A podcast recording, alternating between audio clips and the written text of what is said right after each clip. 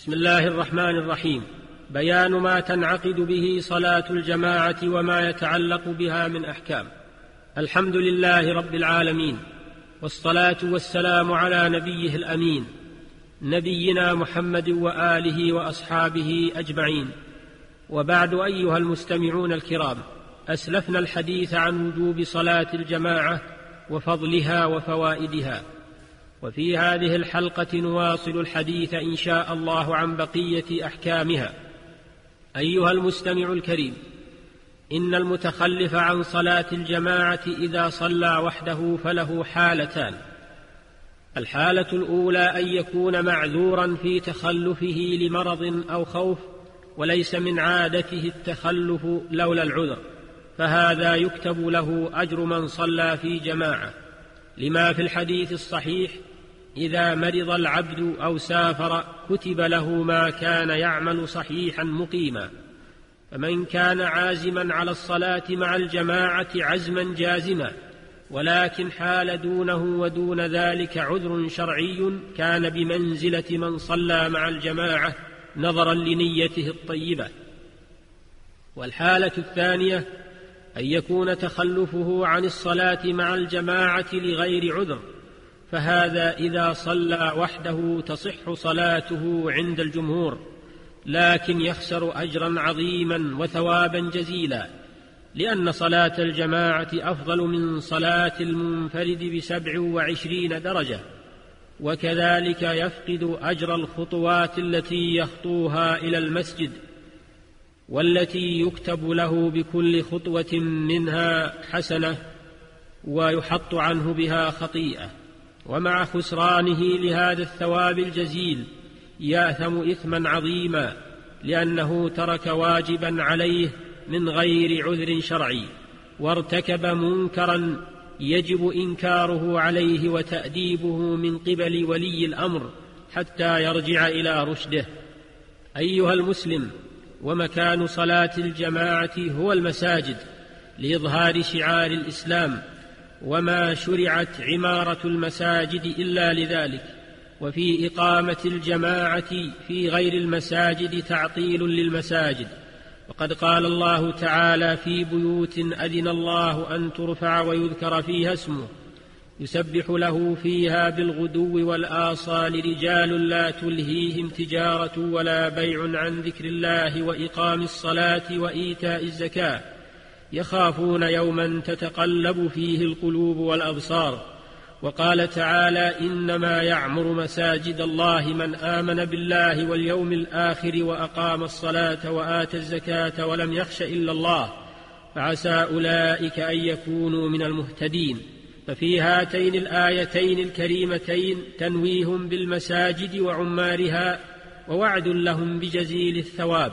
وفي ضمن ذلك ذم من تخلف عن الحضور للصلاة فيها وقال عليه الصلاة والسلام لا صلاة لجار المسجد إلا في المسجد وعن علي رضي الله عنه مثله وزاد وجار المسجد من أسمعه المنادي رواه البيهقي بإسناد جيد. قال ابن القيم رحمه الله ومن تأمل السنة حق التأمل تبين له أن فعلها في المساجد فرض على الأعيان إلا لعارض يجوز معه ترك الجماعة فترك حضور المساجد لغير عذر كترك أصل الجماعة لغير عذر. وبهذا تتفق الأحاديث وجميع الآثار انتهى. وقد توعد الله من عطل المساجد ومنع إقامة الصلاة فيها بأشد الوعيد. فقال تعالى ومن أظلم ممن منع مساجد الله أن يذكر فيها اسمه وسعى في خرابها أولئك ما كان لهم أن يدخلوها إلا خائفين.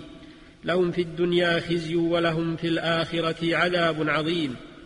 وفي إقامة صلاة الجماعة خارج المساجد من غير عذر تعطيل للمساجد أو تقليل من المصلين فيها. وبالتالي يكون في ذلك تقليل من أهمية الصلاة في, النفوس. والله تعالى يقول في بيوت أذن الله أن ترفع ويذكر فيها اسمه وهذا يشمل رفعها حسيا ومعنويا. لكن إذا دعت حاجة لإقامة صلاة الجماعة خارج المسجد كأن يكون المصلون موظفين في دائرتهم أو في مجمع عملهم وإذا صلوا في مكانهم كان ذلك أحزم للعمل وكان في ذلك إلزام للموظفين بحضور الصلاة وإقامتها ولا يتعطل من جراء ذلك المسجد القريب منهم لوجود من, من يصلي فيه غيرهم لعله في تلك الحال. ونظرا لهذه المبررات لا يكون عليهم حرج في الصلاة في دائرتهم. أيها المستمع الكريم وأقل ما تنعقد به صلاة الجماعة اثنان لأن الجماعة مأخوذة من الاجتماع والاثنان أقل ما يتحقق به الجمع.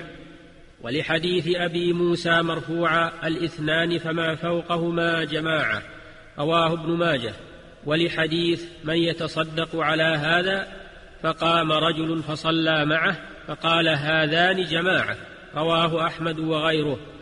ولقوله صلى الله عليه وسلم لمالك بن الحويرث وليؤمكما أكبركما. وحكي الإجماع على هذا ويباح للنساء حضور صلاة الجماعة في المساجد بإذن أزواجهن غير متطيبات وغير متبرجات بزينة مع التستر التام والاحتشام والابتعاد عن مخالطة الرجال ويكن وراء صفوف الرجال لحضورهن على عهد النبي صلى الله عليه وسلم ويسن حضورهن مجالس الوعظ ومجالس العلم منفردات عن الرجال ويسن لهن أن يصلين مع بعضهن جماعة منفردات عن الرجال سواء كانت إمامتهن منهن أو يؤمهن رجل لأن النبي صلى الله عليه وسلم أمر أم ورقة أن تجعل لها مؤذنا. وأمرها أن تؤم أهل دارها رواه أحمد وأهل السنن وفعله غيرها من الصحابيات ولعموم قوله صلى الله عليه وسلم تفضل صلاة الجماعة على صلاة الفذ بسبع وعشرين درجة. أيها المستمعون الكرام إن صلاة الجماعة فرض على الرجال لا يجوز لهم التساهل والتهاون بها وقد ورد الوعيد الشديد والنهي الأكيد في حق من تهاون بها ولو, ولو لم يكن من ذلك إلا مشاركته المنافقين الذين لا يأتون الصلاة إلا وهم كسالى لكفى بذلك إثما مبينا. ومع هذا الوعيد يفوته خير كثير وأجر وفير. نسأل الله تعالى أن يجعلنا وإياكم من المحافظين على الصلوات الملازمين للجمع والجماعات إنه سميع مجيب. وإلى الحلقة القادمة بإذن الله تعالى. والسلام عليكم ورحمة الله وبركاته. وصلى الله وسلم على نبينا محمد وآله وصحبه. والحمد لله رب العالمين.